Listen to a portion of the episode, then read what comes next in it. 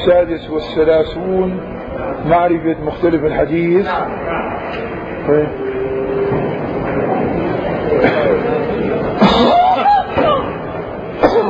السلام.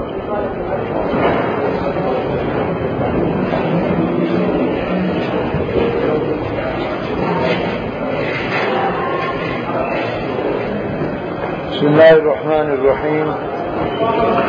الحمد لله رب العالمين. وأفضل الصلاة وأتم التسليم على سيدنا محمد المبعوث رحمة للعالمين وعلى آله وصحبه أجمعين.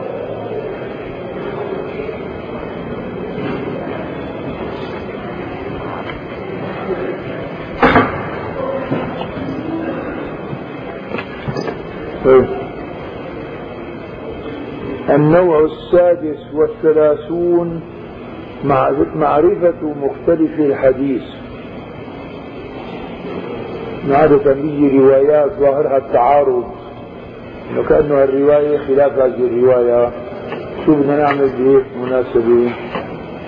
وقد صنف فيه الشافعي فصلا طويلا من كتابه الأم.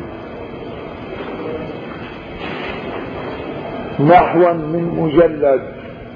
يعني في كتاب الأم والأم مختلف فيه إنه هل هو للشافعي ألفه بنفسه أو جمعه تلامذته؟ فلا صح أن تلامذته جمعوه من أقواله. الإمام الشافعي ففي هذا الكتاب تكلم بقريب من مجلد حول هذا الموضوع في كتاب الأم. هون في عنا تعليق لأحمد شاكر ما في عندكم تعليق؟ قال النووي في التقريب. تقريب اللي شرحوا السيوط التدريب تدريب الراوي شرح تقريب النواوي. هذا التقريب مختصر مختصر مقدمة ابن الصلاح. ابن الصلاح اختصر ابن الصلاح ألف المقدمة اختصرها الإمام النووي أولا بالإرشاد إرشاد طلاب الحقائق إلى معرفة سنن خير الخلائق ثم اختصر الإرشاد بالتقريب. وهذا التقريب شرحه السيوطي وقد طبع في مجلدين بتدريب الراوي تحت تقريب شرح تقريب النووي. قال النووي في التقريب هذا فن يعني معرفة مختلف الحديث. من أهم الأنواع ويضطر إلى معرفته جميع العلماء من الطوائف. يعني سواء كان من المذهب الحنفي شافعي مالكي حنبلي سلفي خلفي كلهم يحتاجون إلى مثل هذا الموضوع. وهو يعني تعريف مختلف الحديث. أن يأتي حديثان متضادان في المعنى ظاهرا. ظاهرا النصين يعني متضادان هذا عكس هذا. فيوفق بينهما إما بالجمع بينهما أو يرجح أحدهما. يعني قد أحيانا العلماء يمكن أن يجمعوا بين الحديثين واحد بيكون للفرض الثاني للندب. واحد عام ثاني خاص أو إنه بيكون واحد هو للراجح والثاني مرجوح ضعيف. وإنما يكمل له يعني مين اللي هو يعني هذا الفن يستطيع أن يقوم به؟ الأئمة الجامعون بين الحديث والفقه. إن في محدثين كثر. والفقهاء كثر ولكن الذين جمعوا بين الفقه والحديث هؤلاء قلائل. فهؤلاء الذين يستطيعون أن يجمعوا بين الفقه والحديث هؤلاء يستطيعون أن يوفقوا بين الروايات ويجمعوا بينها أو يقدموا رواية على رواية. فتكون الرواية التي قدموها هي الراجحة. وهي المعمول بها والثانية مرجوحة وهي ضعيفة لا يعمل بها. وإنما يكمل له الأئمة الجامعون بين الحديث والفقه والأصوليون الغواصون على المعاني. علماء الأصول أصول الفقه. وصنف فيه الشافعي رحمه الله تعالى. من الشافعي؟ عمل بحث خاص في هذا الموضوع وهو كتاب مؤلف ومطبوع على انفراد غير ما تكلم فيه في الأم. هذا كتاب خاص في هذا الموضوع مختلف الحديث الشافعي. مطبوع جزء على انفراد لحاله ولم يقصد استيفاءه يعني الإمام الشافعي ذكر أشياء مختصرة فيه. بل ذكر جملة منه ينبه بها على طريقه. يعني على هذا المنوال يسير في بقية الأحاديث بين مختلف الحديث التي هل يمكن جمعها أو يمكن أن نرجح أحدها على الآخر. وزعم السيوطي في التدريب تدريب الراوي تقريب النووي أن الشافعي لم يقصد إفراده بالتأليف وإنما تكلم عليه في كتاب أم وهذا ولكن هذا غير جيد. فإن الشافعي كتب في الأم كثيرا من أبحاث اختلاف الحديث وألف كتابا خاصا بهذا الاسم وهو مطبوع بهامش الجزء السابع من الأم. هذا كان الحد القديم إنه بهامش الجزء السابع. الآن طبع على انفراد فحاله موجود مختلف الحديث للإمام الشافعي. وذكره محمد بن إسحاق النديم في كتاب الفهرست ضمن مؤلفات الشافعي. هذا كتاب الإمام ابن النديم ابن النديم قديم. وابن النديم من أقدم المؤرخين الذين ذكروا العلوم والمؤلفين فإنه ألف كتاب الفهرست سنة حول سنة 377 هجري. قديم هذا. فبيذكر كل كتاب اسم الكتاب ومن ألف الكتاب. في عنا كتاب من هذا النوع لواحد متأخر إسماعيل شلبي. هذا كشف الظنون في أسماء العلوم والفنون. هذا متأخر لكن ابن النديم قديم 377 هجري كتب هذا الكتاب. إنه عبارة عن كتب وبيذكر أسماء هذه الكتب ومن الذي ألفها. وهذا كتاب كشف الظنون في أسماء الكتب والفنون على النمط هذا لكن أوسع كمان كشف الظنون. نعم. وك وقد ذكره الحافظ ابن حجر العسقلاني طبعا في ترجمة الشافعي.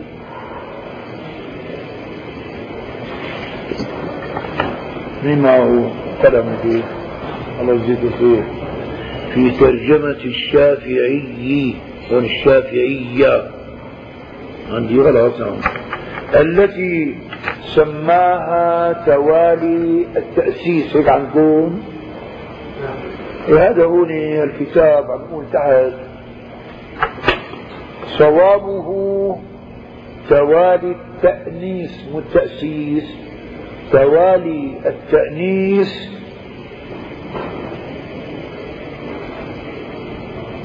بمعاني ابن إدريس. من ابن إدريس؟ الشافعي رحمه الله محمد ابن إدريس.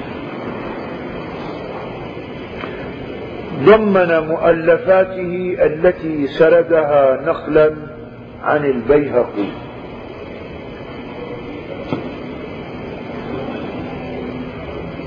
ابن النديم نقل أسماء هذه الكتب عن الشافعي عن بيهقي عن الشافعي لأن البيهقي من أعلم الناس بالشافعي. لذلك قالوا ما من شافعي إلا وللشافعي عليه منة إلا البيهقي فإن له منة على الشافعي لأنه جمع نصوص مذهب الإمام الشافعي رحمه الله. إذا يكون عم يقول عندي تحت صوابه توالي التأنيس عوض توالي التأسيس كما شرحه بدلائله الدكتور موفق بن عبد الله بن عبد القادر في كتابه النافع توثيق النصوص وضبطها. توثيق النصوص يعني أن هذا الكتاب حتما لفلان من الأئمة. هذا توثيق النصوص. والبيهقي نرجع لفوق عندنا والبيهقي من أعلم الناس بالشافعي وكتبه. وذكره ابن حجر أيضا في شرح النخبة. كان كتاب توالي التأنيس بمعالي ابن إدريس. نرجع لفوق وكذلك ابن قتيبة. يعني كمان ابن قتيبة ألف في هذا الموضوع كتابا سماه تأويل مختلف الحديث. لا يتعد وكذلك ابن قتيبة ابن قتيبة أحمد بن عبد الله وفاته 322 هجري. له فيه مجلد مفيد وفيه ما هو غس يعني رديء. ضعيف وذلك بحسب ما عنده من العلم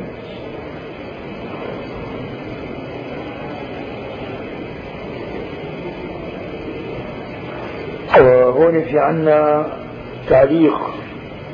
كتاب ابن خزيبة طبع في مصر سنة 1326 هجري يعني. باسم تأويل مختلف الحديث. وقد وقد أنصفه الحافظ ابن كثير. باعتبار قال وفيه ما هو غس يعني ضعيف.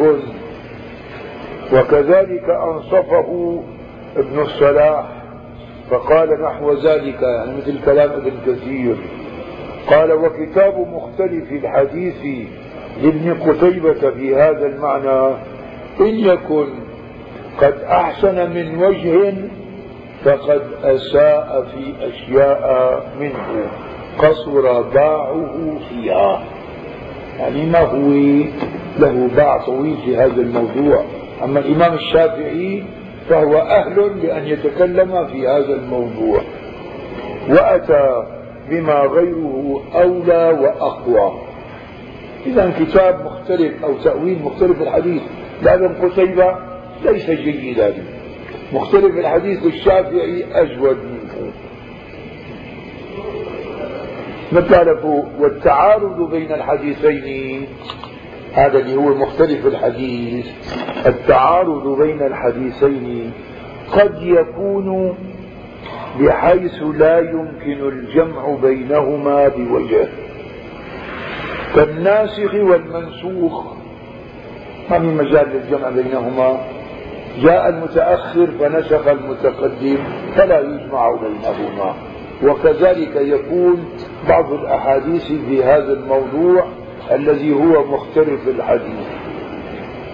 فيصار إلى الناسخ ويترك المنسوخ. كنت نهيتكم عن زيارة القبور ألا فزوروها. نترك المنسوخ ونعمل بالناسخ. كنت نهيتكم عن ادخار لحوم الأضاحي ألا فكلوا وأطعموا وادخروا كذلك نعمل بالناسخ ونترك المنسوخ. كان آخر الأمرين كما قال جابر بن عبد الله رضي الله عنهما كان آخر الأمرين من رسول الله صلى الله عليه وسلم ترك الوضوء مما مست النار.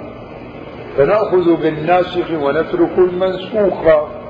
فكذلك يكون لمن بيكون ما في إمكان للجمع بين الحديثين بدنا نرجح أحدهما فنأخذ الذي ترجح وهو الصحيح ونترك المرجوح وهو الضعيف. فيصار إلى الناسخ ويترك المنسوخ.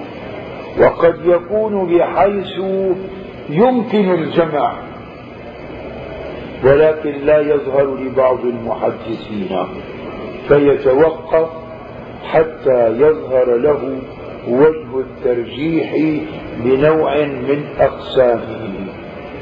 يعني مو كل العلماء عندهم يكون عنده علم بأصول الفقه وعنده خبرة بالفقه والحديث حتى يستطيع أن يرجح رواية على رواية. لذلك نقول هون ولكن لا يظهر هذا الترجيح لبعض المحدثين فيتوقف حتى يظهر له وجه الترجيح بنوع من أقسامه وأقسام الترجيح كثيرة. أو يهجم فيفتي بواحد منهما أو يفتي بهذا في وقت وبهذا في وقت كما يفعل أحمد بن حنبل في الروايات عن الصحابة. الإمام أحمد بن حنبل أحيانا في بعض الأحاديث التي لم يستطع أن يجمع بينهما وأن يقدم رواية على رواية ولذلك ترى يفتي أحد أحدا آه، مرة بهذه الرواية ومرة أخرى بالرواية الأخرى لأنه لم يستطع أن يجمع بينهما أو لم يستطع أن يقدم ويرجح رواية على رواية فيعمل بإحدى الروايتين مرة وبالأخرى أخرى. نعم. وقد كان الإمام أبو بكر بن خزيمة صاحب الصحيح صاحب صحيح ابن خزيمة محمد بن إسحاق وفاته 311 هجري. يقول أن الإمام ابن إسحاق رحمه الله كان من جملة من جمع بين الفقه والحديث. ولذلك كان يسموه إمام الأئمة.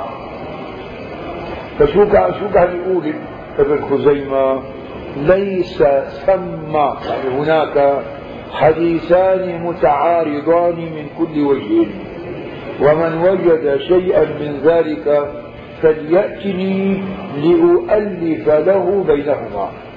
هذا عم يحكي بناء على ثقته بنفسه وعلمه في الفقه والحديث ولذلك سماه العلماء إمام الأئمة. فبنظر ابن خزيمة صاحب الصحيح أنه لا يوجد هناك هناك حديثان متعارضان. فمن وجد حديثين متعارضين فليذهب إلى ابن خزيمة فإنه يستطيع أن يجمع بينهما. هذا بناء على ثقته بنفسه يقول هذا وإلا لا في في أحاديث لا يمكن أن يجمع بينها وأحاديث يترجح أحد الروايات فيكون هو الصحيح والمرجوح هو الضعيف. لكن هذا بناء على ثقته بعلمه يقول هذا. يعني رقمه تعال. إذا تعارض حديثان ظاهرا فإن أمكن الجمع بينهما فلا يعدل عنه إلى غيره بحال. أحيانا يجوز يكون يجمع بينهما. مثلا من مس ذكره فليتوضأ. هل هو إلا بضعة منك؟ يجوا بعض العلماء قالوا أنه من مس ذكره فليتوضأ. هذا الأصل فيه للوجوب. هل هو إلا بضعة منك يخرجه إلى الندب جمعا بينهما؟ إلا هذا أحيانا اختلف العلماء في هذا يعني. ويجب العمل بهما جميعا إذا أمكن الجمع بين الروايتين. وقد مثل السيوطي لذلك بحديث لا عدوى مع حديث فر من المجذوم فرارك من الأسد وهما حديثان صحيحان. هذا رواه البخاري تحت عندي معلقا قطعة من الحديث السابق نفسه لكن عن أبي هريرة. هذا ظاهرا وجدوا أنه الحديث كأنه أول يخالف آخره مع أنه لا عدوى ولا طيرة ولا هامة ولا صفر. صحيح. وآخر فر من المجزوم فرارك من الأسد صحيح. إذا كيف الجمع بين هذه الرواية بين أول الحديث وآخره وآخره؟ لأنه ظاهر أول الحديث لا عدوى نفي للعدوى بالكلية. ولكن ليس هذا هو المقصود. وإنما أراد رسول الله صلى الله عليه وسلم في هذا الحديث أن ينفي ما كان يعتقده أهل الجاهلية في العدوى فإنهم كانوا يعتقدون أن العدوى تنتقل بطبعها لا بقدرة الله فيها. فنفى رسول الله هذا وبين أن العدل هناك لا عدوى بمعنى ما كان يعتقده أهل الجاهلية بأنها تنتقل بطبعها وإنما هناك عدوى ولكن تنتقل بقدرة الله فيها. ولذلك لما كان بعض الصحابة يسألوا الرسول عليه الصلاة والسلام أنه ما بال الجمال أو الإبل تكون كالظباء مثل الغزلان وإذا بها دخلها الجرب. أنه من واحد لواحد والجرب من الأمراض المعدية. فكان رسول الله يقول ومن أجرب الأول؟ انتقل الجرب من واحد لواحد بالعدوى بقدرة الله. لكن من أين جاء الجرب للجمل الأول؟ جاء بقدرة الله ثم انتقل بالعدوى.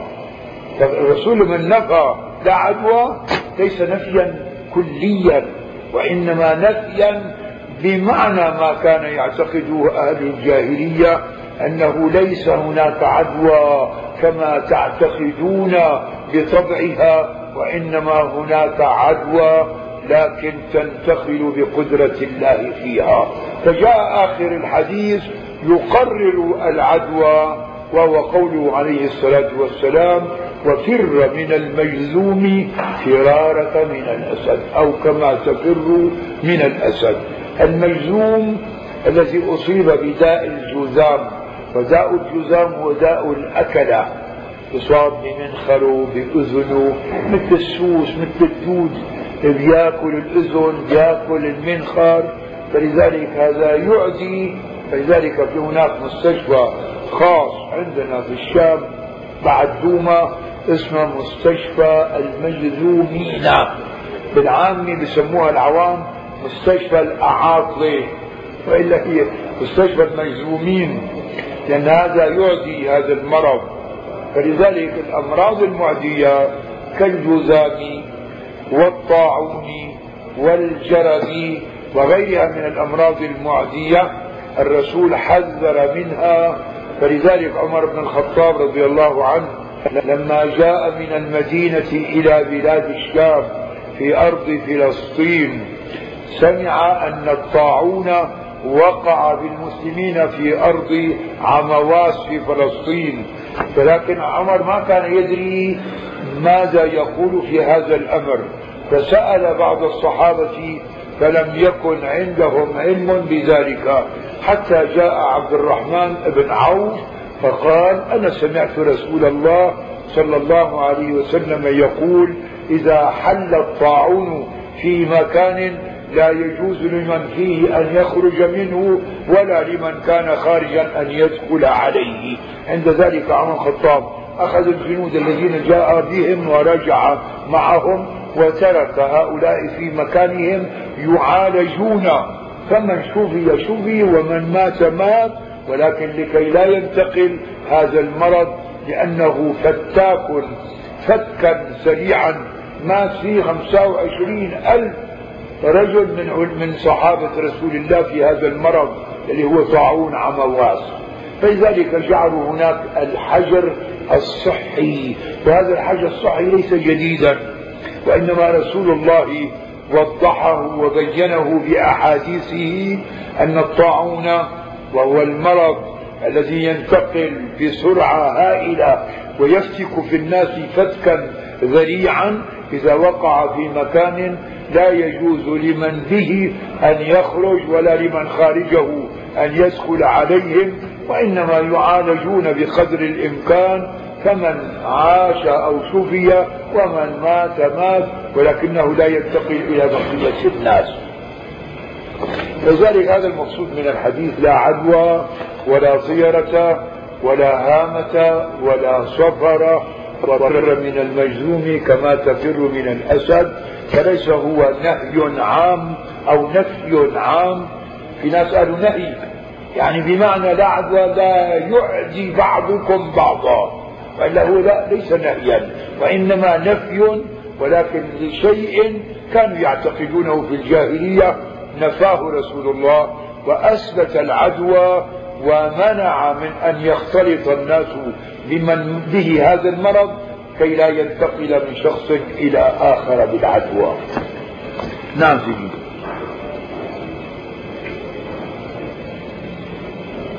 قال في التدريب مين؟ السيوطي.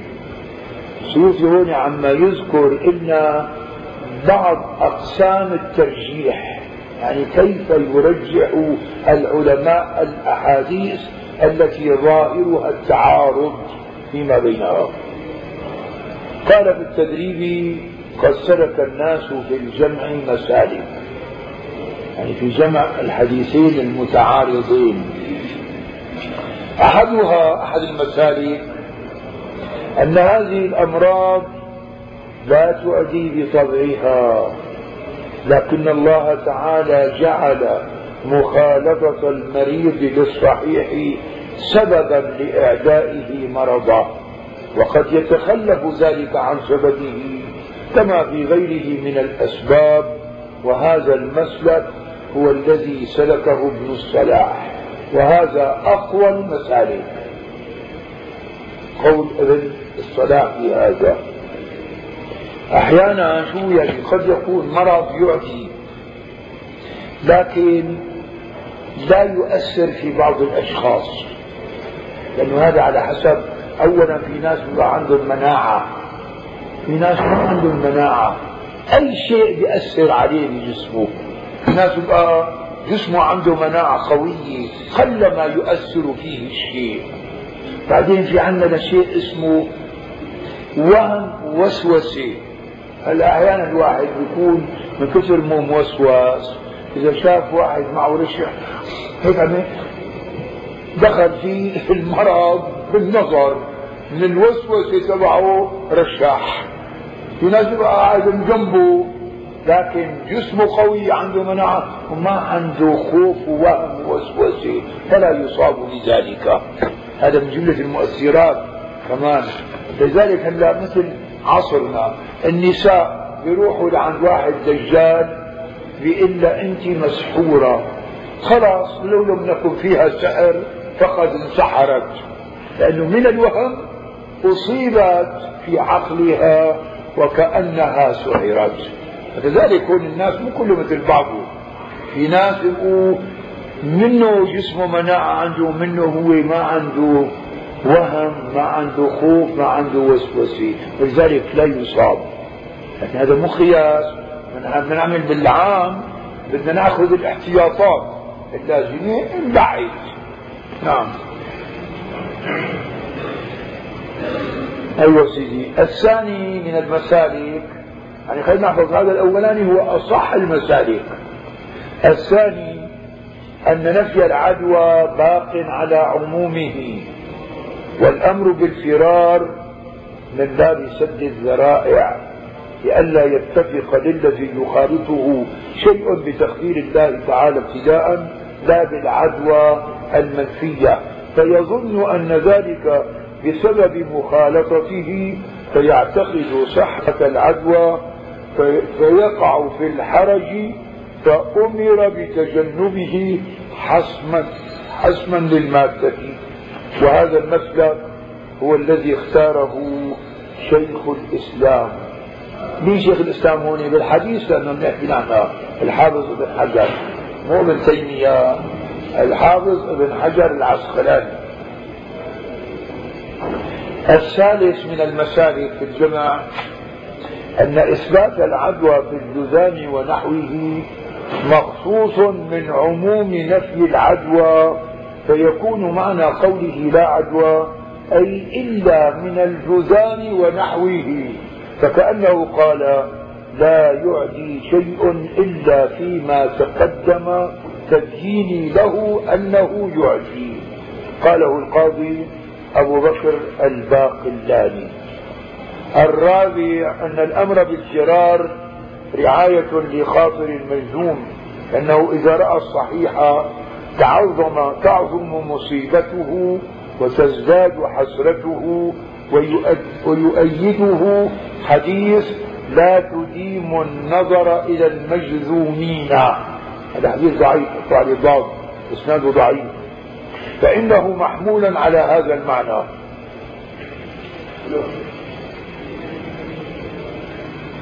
ضعفه الحافظ بن حجر في الفتح.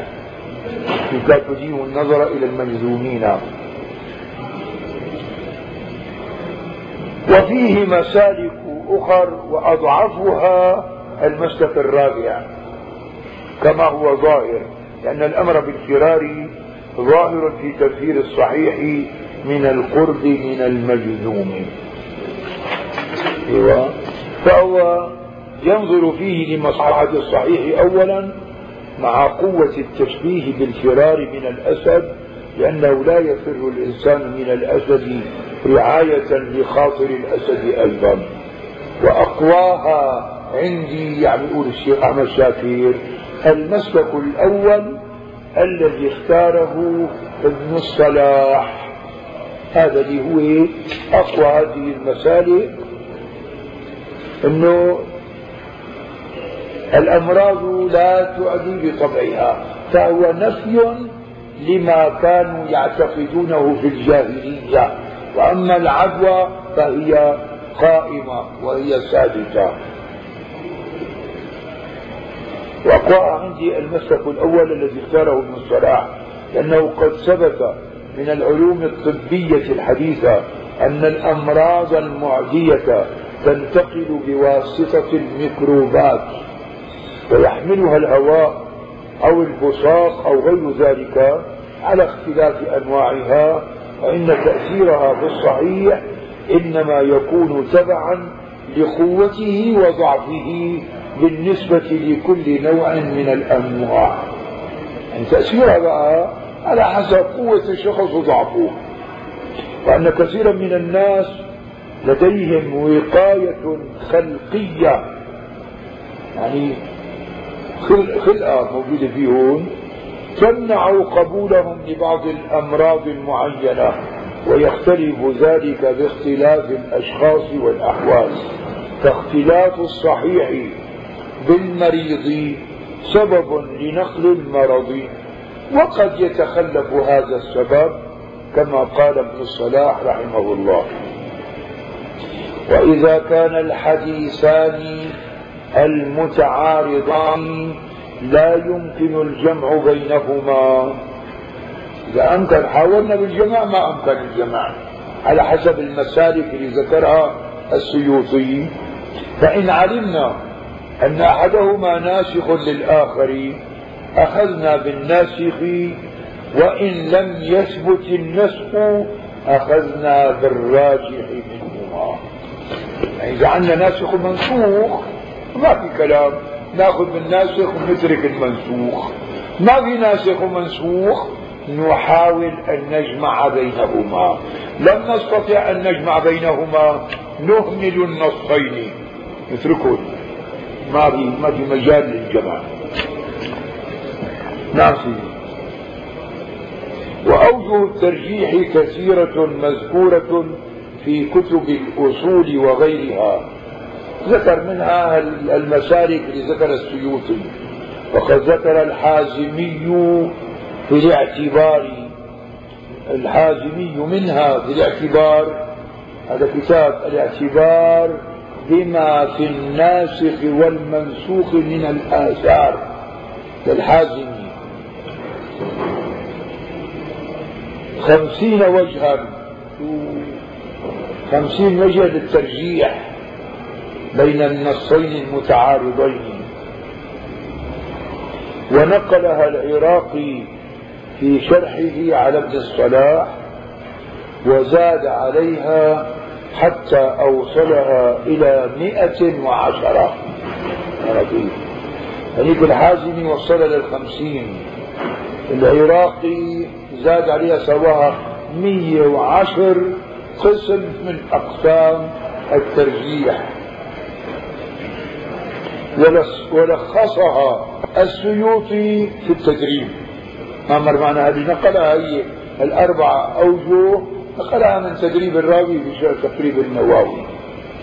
وإذا لم يمكن ترجيح أحد الحديثين وجب التوقف فيهما. إذا عندنا ثلاث أشياء. أول شيء بنحاول ننظر بالنصين إذا كان في ناسخ ومنسوخ أخذنا بالناسخ وتركنا المنسوخ. ما في ناسخ ومنسوخ وإنما نحاول للجمع بينهما. إن أمكن الجمع جمعنا. ما في إمكان نعمل ترجيح. إذا ترجح أحدهما على الآخر أخذنا بالراجح وتركنا المرجوح.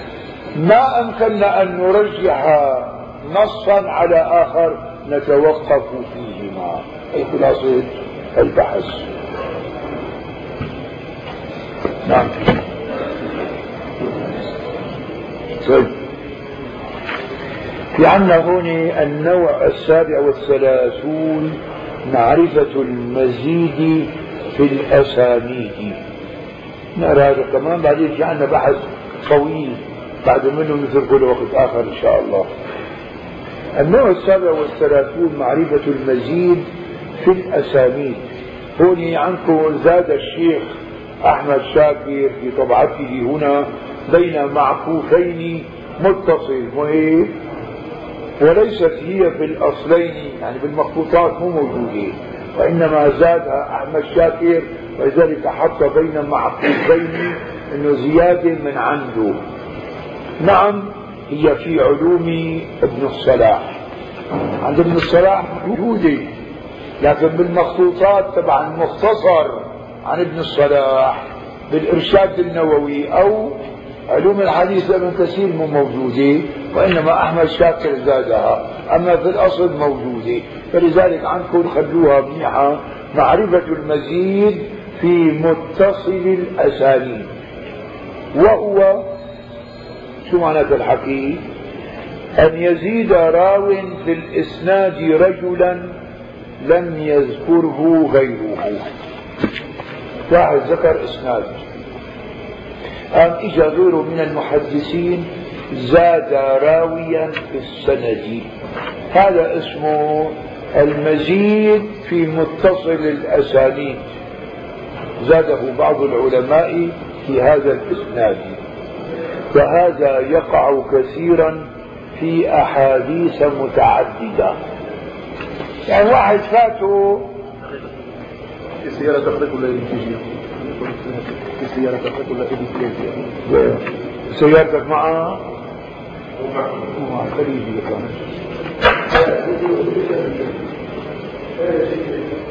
نعم سيدي.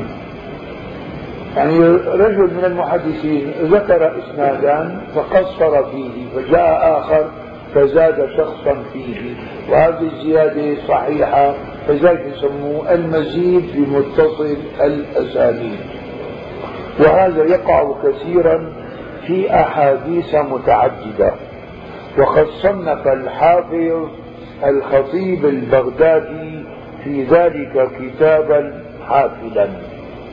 شو اسمه الكتاب؟ واسمه تمييز المزيد في متصل الأسانيد. شو اسمه؟ تمييز المزيد في متصل الأسانيد.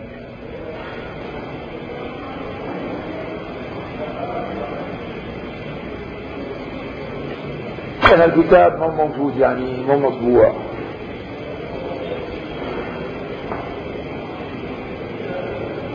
لكن ذكره العلماء ذكره الخطيب البغدادي في الموارد له كتاب موارد الخطيب. وذكره صاحب النكت على نزهة النظر. أما ما موجود بين أيدينا ولعله من الكتب المخطوطة المفقودة والله أعلم. قال ابن الصلاح يعني في علوم الحديث وفي بعض ما ذكره نظر يعني الخطيب البغدادي في هذا الكتاب الذي سماه تمييز إيش؟ المزيد في متصل الاسانيد في بعض هذه الأشياء التي جمعها نظر يعني تحتاج إلى نظر. ومثل ابن الصلاح هذا النوع بما رواه بعضهم. أي العجيب لا إسناد فيه مزيد في متصل الأسانيد بما رواه بعضهم. عن عبد الله بن المبارك. عبد الله بن المبارك الحنظلي المعروف الإمام اللي هو بيقول الإسناد من الدين ولولا الإسناد لقال من شاء والذي قال صنفان من الناس إذا صلحا صلح الناس كلهم وإذا فسدا فسد الناس كلهم. العلماء والأمراء وفاة 181 هجري عليه رحمة الله. فهذا ابن المبارك شو عم يقولوني عن سفيان عن ابن عيينة عن عبد الله بن يزيد بن جابر حدثني. هوني وين عن عبد الله بن يزيد؟ شفتوها هوني. عن عبد الله بن يزيد بن جابر. الصواب عبد الرحمن بن يزيد بن جابر. عبد الرحمن بن يزيد بن جابر.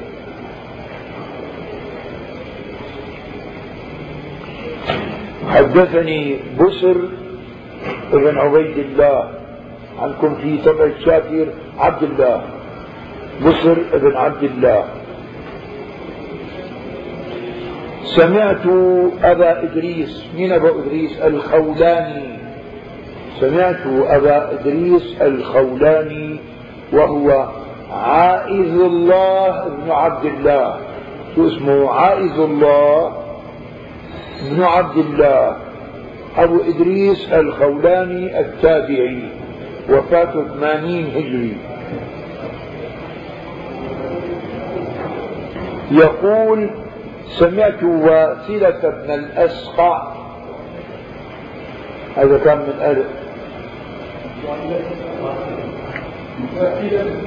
واسلة أي نعم الساء وإلى لا غلط وإلى واسلة ابن الأسقع من أهل الصفة وفاته 83 هجري.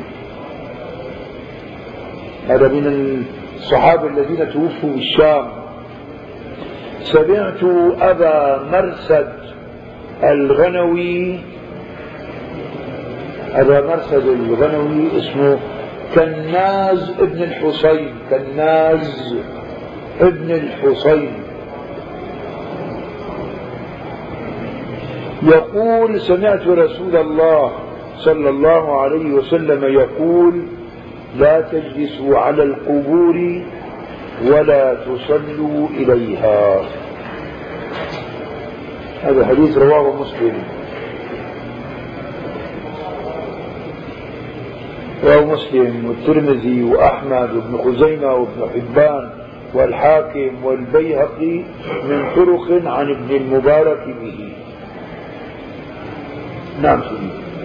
ورواه آخرون عن ابن المبارك فلم يذكروا سفيان.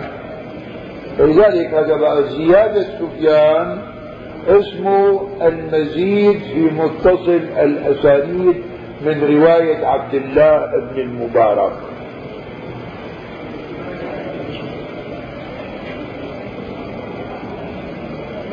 في عليه تعليق شيء عن قانوني؟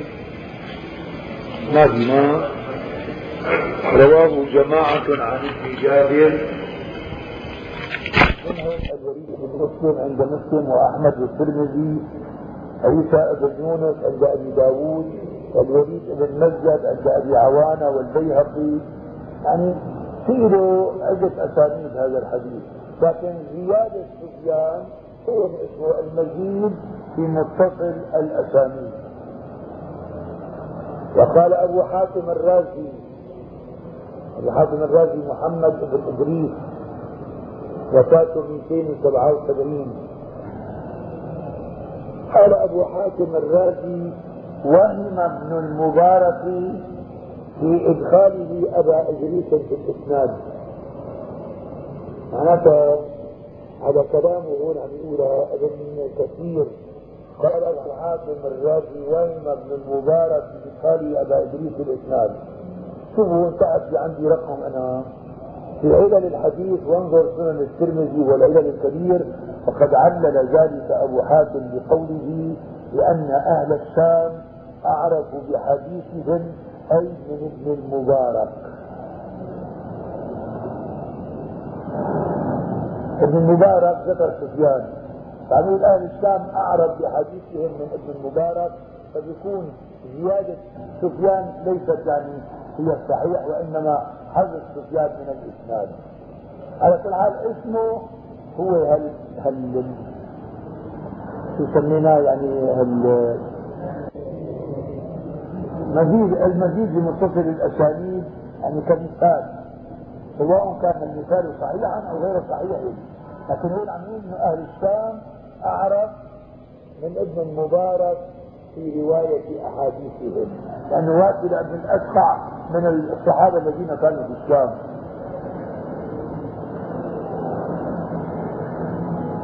فأولئك جميعا شاميون الرواة من عدا ابن المبارك.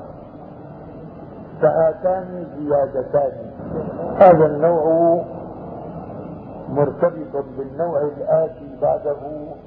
يعني هذا كمان نقول النوع اللي المزيد في متصل الأسانيد له علاقة بالبحث اللي بعد منه جاي معرفة الخفي من المراسيل فلذلك ما توسع فيه بتوسع في الموضوع الذي بعده. النوع الثامن والثلاثون معرفة الخفي من المراسيل ويعم المنقطع والمعضل أيضا. انه في ارسال لأنه عادة اللي عند الفقهاء يعتبروا المنقطع والمعضل والمرسل كل شيء واحد. لكن المحدثين جعلوا لكل نوع من هذه الأنواع آه، تعريف خاص. فالمنقطع غير المعضل والمعضل غير المرسل. لكن كونه في سقط يعني في سواء كان في حذف في آخره أو في وسطه لذلك من عم يعتبروا عادة الفقهاء أنه إذا كان في مثلا سقط في أول الإسناد أو في آخره أو في وسطه كله بيعتبروه من نوع المرسل. إلا أنه المحدثين بيعتبروه إذا كان من أوله معلق من آخره مرسل في وسطه منقطع ومعضل. فهنا عم يقول إنه معرفة الخفي من المراسيل أشياء خفية فيها انقطاع فيعم هذا المنقطع والمعضل أيضا. وقد صنف الخطيب البغدادي في ذلك كتابه المسمى بالتفصيل لمبهم المراسيل.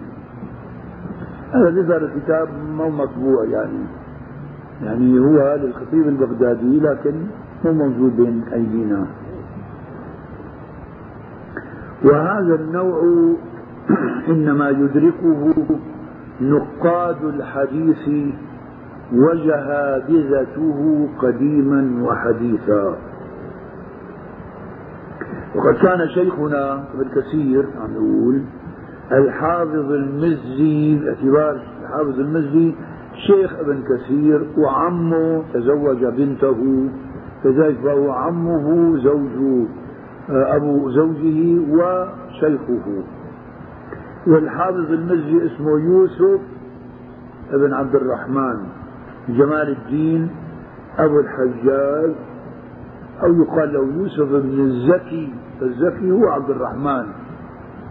وفاته 742 هجري. وهو صاحب تهذيب الكمال في أسماء الرجال 35 مجلد. إماما في ذلك يعني قال كان الحافظ المزي كما يقول الحافظ ابن كثير إماما في معرفة الخفي من المراسيل فهو من نقاد الحديث ومن الجهابذة. وعجبا من العجب يعني كان رجلا عجبا من العجب فرحمه الله وبل بالمغفرة ثراه يعني ترابه حتى يذكر عن ابن عن الحافظ المزي أنه كان يسمع على بعض شيوخه وفي أثناء السماع كان يكتب. مو يكتب ما يمليه شيخه يكتب أشياء أخرى. فهو يسمع من شيخه ما يمليه ويكتب في دفتره أشياء لا علاقة في ذلك. فقال له بعض الحاضرين سماعك هذا غير صحيح. ما جعل الله لرجل من قلبين في جوفه. فقال لما؟ قال لأنك تسمع وتكتب. ولو كان يكتب ما يسمعه لكان تأكيدا لذلك ولكنه كان يكتب غير ما يسمع. فقال فطلبه وقال له إن كنت صحيح السماع فقل لي ما قال الشيخ. فذكر كل ما قاله الشيخ بأسانيده ومتونه فعند ذلك سلم له. لذلك من يقول ابن كثير كان عجبا من العجاب وكان من الجهابذة النقاد فهو صحيح. كان ذلك الحافظ المزي رحمه الله. فرحمه الله وبل بالمغفرة تراه أي ترابه. فإن الإسناد إذا عرض على كثير ممن من العلماء ممن لم يدرك ثقات الرجال وضعفائهم قد يغتر بظاهره. يعني بظاهر الإسناد. فيظن أن هذا الإسناد متصل ويكون منقطعا وفيه إرسال خفي لا يطلع عليه إلا الجهابذة النقاد. ويرى رجاله ثقات. لذلك ما يكفي أن يكون دائما رجال الثقات أحيانا كثير الحافظ الهيثمي في مجمع الزوائد ومنبع الفوائد يذكر بعض الأحاديث ويقول في آخرها ورجاله ثقات ولكن هذا لا يكفي. قد يكون رجاله ثقات وفيه انقطاع أو إرسال خفي لا بد من النظر فيه. فيحكم بصحته يعني طالب العلم العادي والإنسان العادي عندما ينظر إلى هؤلاء الرجال في السنن وكلهم ثقات فيحكم بصحة الإسناد. ولا يهتدي لما فيه من الانقطاع. هذا بده يكون بقى واحد عنده خبرة بالأسانيد ودراسة للرجال إنه مثلا ما بيكفي إنه هذا ثقة هذا ثقة. متى ولد متى توفي متى ولد الآخر متى توفي. قد يكون في بينهما انقطاع. لم يسمع منه وأحيانا قد يكون اتصل به ولكنه لم يسمع هذا الحديث فسمع غيره فهذا لا يدركه إلا الجهابذة النقاد في مثل هذه الأمور في الأسانيد.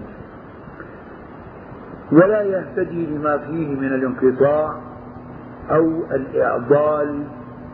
يكون في اثنين واحد وراء بعض بالانقطاع أو الإرسال. يعني بجوز ما يفرق بين تابعي وبين صحابي أحيانا قد يفوت على طالب العلم أنه عن سعيد بن المسيب قال قال رسول الله عن عطاء بن يسار قال قال رسول الله عن الحسن البصري قال قال رسول الله. فقد لا يدرك طالب العلم أن هذا تابعي. وعما يروي عن رسول الله فهو مرسل ويظن أن هذا صحابي فلذلك بنظره أن الإسناد صحيح. أو الإرسال لأنه قد لا يميز الصحابي من التابعي. والله الملهم للصواب. اللهم ألهمنا الصواب. ومثل هذا النوع ابن الصلاح يعني في كتاب علوم الحديث المقدمة لما روى العوام بن حوشب عن عبد الله بن أبي أوفى. عبد الله بن أبي أوفى صحابي لكن صحابي صغير. فعم يروي عنه العوام بن حوشب. قال كان رسول الله صلى الله عليه وسلم إذا قال بلال قد قامت الصلاة نهض وكبر. في رقم عندكم بالحديث هون. رواه بحشل ما في؟ طيب عندي أنا. رواه بحشل في تاريخ واسط. هذا بحشل لقب. له. اسمه أسلم بن سهل وهو محدث واسط وابن عدي في الكامل كامل في الضعفاء لابن عدي. ابن عدي اسمه عبد الله ابن عدي. وفاته 365 بحشل هذا اللي هو أسلم ابن سهل وفاته 292 والطبراني في الكبير الطبراني سليمان بن أحمد الطبراني اللخمي الشامي. هذا وفاته 360 كما في المجمع يعني مجمع الزوائد ومنبع الفوائد وسموية في فوائده. قال سموية أو سموية سموية. هذا سموية أو سموية اسمه إسماعيل بن عبد الله وفاته 267 له كتاب اسمه الفوائد. كما في الجامع الصغير. رقم 4044 بالضعيف يعني ضعيف الجامع الصغير. وأبو الشيخ في الأذان أبو الشيخ الأصبهاني كما في جمع الجوامع كنز العمال رقم 22852 وقال الهيثمي يعني الهيثمي في مجمع الزوائد. فيه حجاج ابن فروخ وهو ضعيف جدا. فإذا قد يفوت هذا بعض الطلاب ولا يعرف أنه يوجد فيه مثل هذا اللي هو حجاج بن فروخ وهو ضعيف جدا. وقال السيوطي فيه الحجاج بن فروخ الواسطي قال النسائي ضعيف وتركه غيره. قلت فلم يشيرا إلى الإرسال الآتي بيانه بسبب خفائه. يعني ما أشار إليه لا السيوطي ولا الهيثمي بأنه فيه إرسال خفي بالنسبة لإيش؟ لأنه خفي. فلذلك قد يفوت هذا العلم بعض الناس ولا يدركه إلا الجهابذة النقاد. هون عم نقول عند الشيخين قال الإمام أحمد موجود عندكم لم يلقى العوام بن أبي أوفى. يعني ما في انقطاع بينهما. بين العوام بن حوشب بين عبد الله بن أبي أوفى. يعني تحت عن موجود عندكم تحت.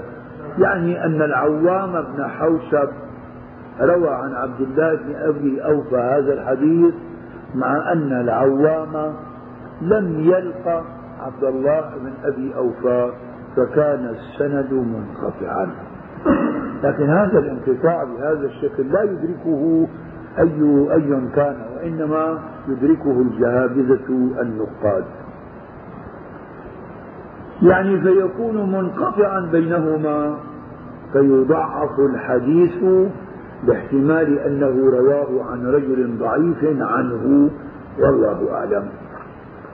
في عندنا تعليق لأحمد شاكر موجود عندكم هذا فوزي قد يجيء الحديث الواحد بإسناد واحد من طريقين. ولكن في أحدهما زيادة راو يعني بإسناد في زيادة راوي الإسناد الآخر محذوف هذا الراوي. وهذا يشتبه على كثير من أهل الحديث ولا يدركه إلا النقاد. فتارة تكون الزيادة راجحة بكثرة الراوين لها. أو بضبطهم وإتقانهم. وتارة يحكم بأن راوي الزيادة وهم فيها تبعا للترجيح والنقد. فإذا رجحت الزيادة كان النقص من نوع الإرسال الخفي. ومعناتها الرجل الزايد الراوي صواب وجوده معناتها بالإسناد الآخر فيه إرسال خفي. وإذا رجح النقص كان الزائد من المزيد في متصل الأسانيد. كان مر معنا بالبحث بهذا قبله أنه قد يدخل أحيانا بحث المزيد في متصل الأسانيد بالإرسال الخفي بين الزيادة والنقصان مثال الأول وهو الزيادة إيش الإرسال الخفي حديث عبد الرزاق. دائما عبد الرزاق إذا أطلق فهو صاحب المصنف. عبد الرزاق بن همام الحميري الصنعاني اليماني. هذا وفاته 211 عن الثوري سفيان. إذا أطلق الثوري فهو سفيان بن سعيد الثوري. عن أبي إسحاق. كذلك إذا أطلق أبو إسحاق فهو أبو إسحاق السبيعي. عن زيد بن يثيع بإيش؟ بالتصوير بضم الياء التحتية المسناة وفتح الثاء المثلثة وإسكان الياء التحتية المثناة وآخره عين مهملة يثيع. عن حذيفة مرفوعا أي مرفوعا إلى رسول الله صلى الله عليه وسلم. إن وليتموها أبا بكر فقوي أمين. هذا الإسناد ظاهره إذا تطلع لعبد الرزاق ثقة سفيان الثوري ثقة أو إسحاق السبيعي زيد بن يسيع وحذيفة بن اليمان. لكن هذا في انقطاع في مكانين. مو مكان واحد. فهو منقطع في موضعين لأنه روي عن عبد الرزاق يعني في له إسناد آخر هذا الحديث عند عبد الرزاق المصنف. قال حدثني النعمان بن أبي شيبة عن الثوري. إذا لما يقول عبد الرزاق عن الثوري معناها فيه انقطاع. لأنه الثوري عبد الرزاق روى هذا الحديث عن النعمان بن أبي شيبة الجندي عن سفيان الثوري.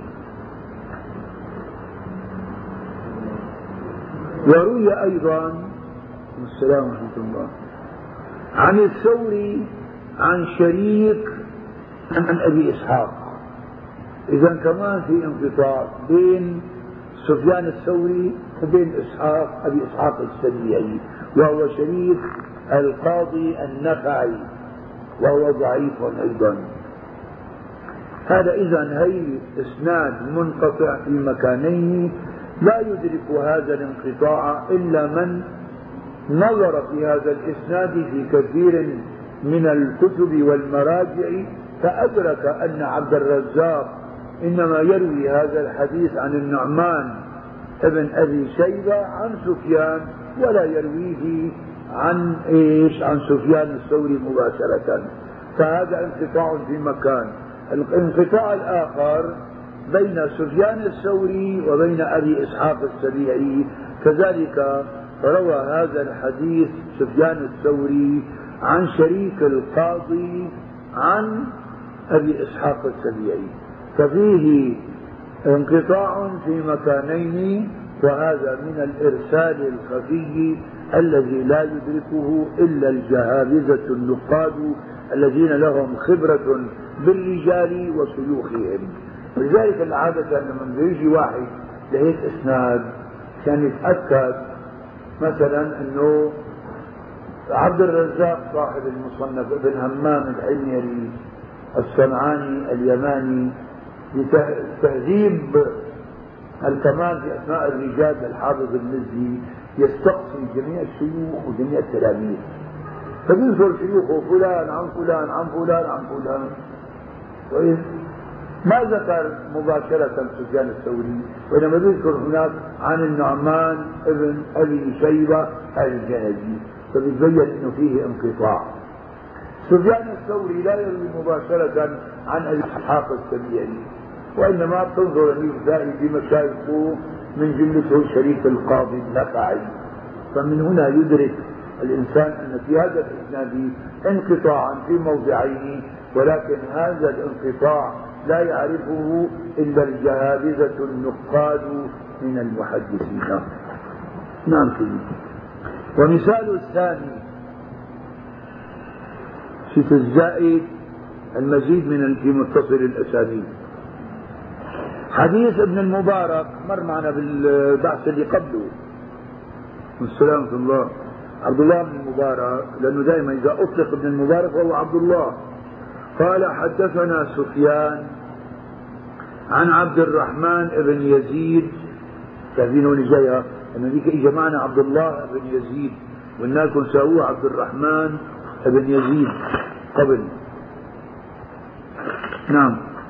عن عبد الرحمن بن يزيد حدثني بسر بن عبيد الله قال سمعت أبا إدريس الخولاني قال سمعت واسلة من الأسقع يعني يقول سمعت أبا مرثد الغنوي يعني يقول سمعت رسول الله صلى الله عليه وسلم يقول لا تجلسوا على القبور ولا تصلوا إليها فزيادة سفيان وأبي إدريس الخولاني وهم فالوهم في زيادة سفيان من الراوي عن ابن المبارك.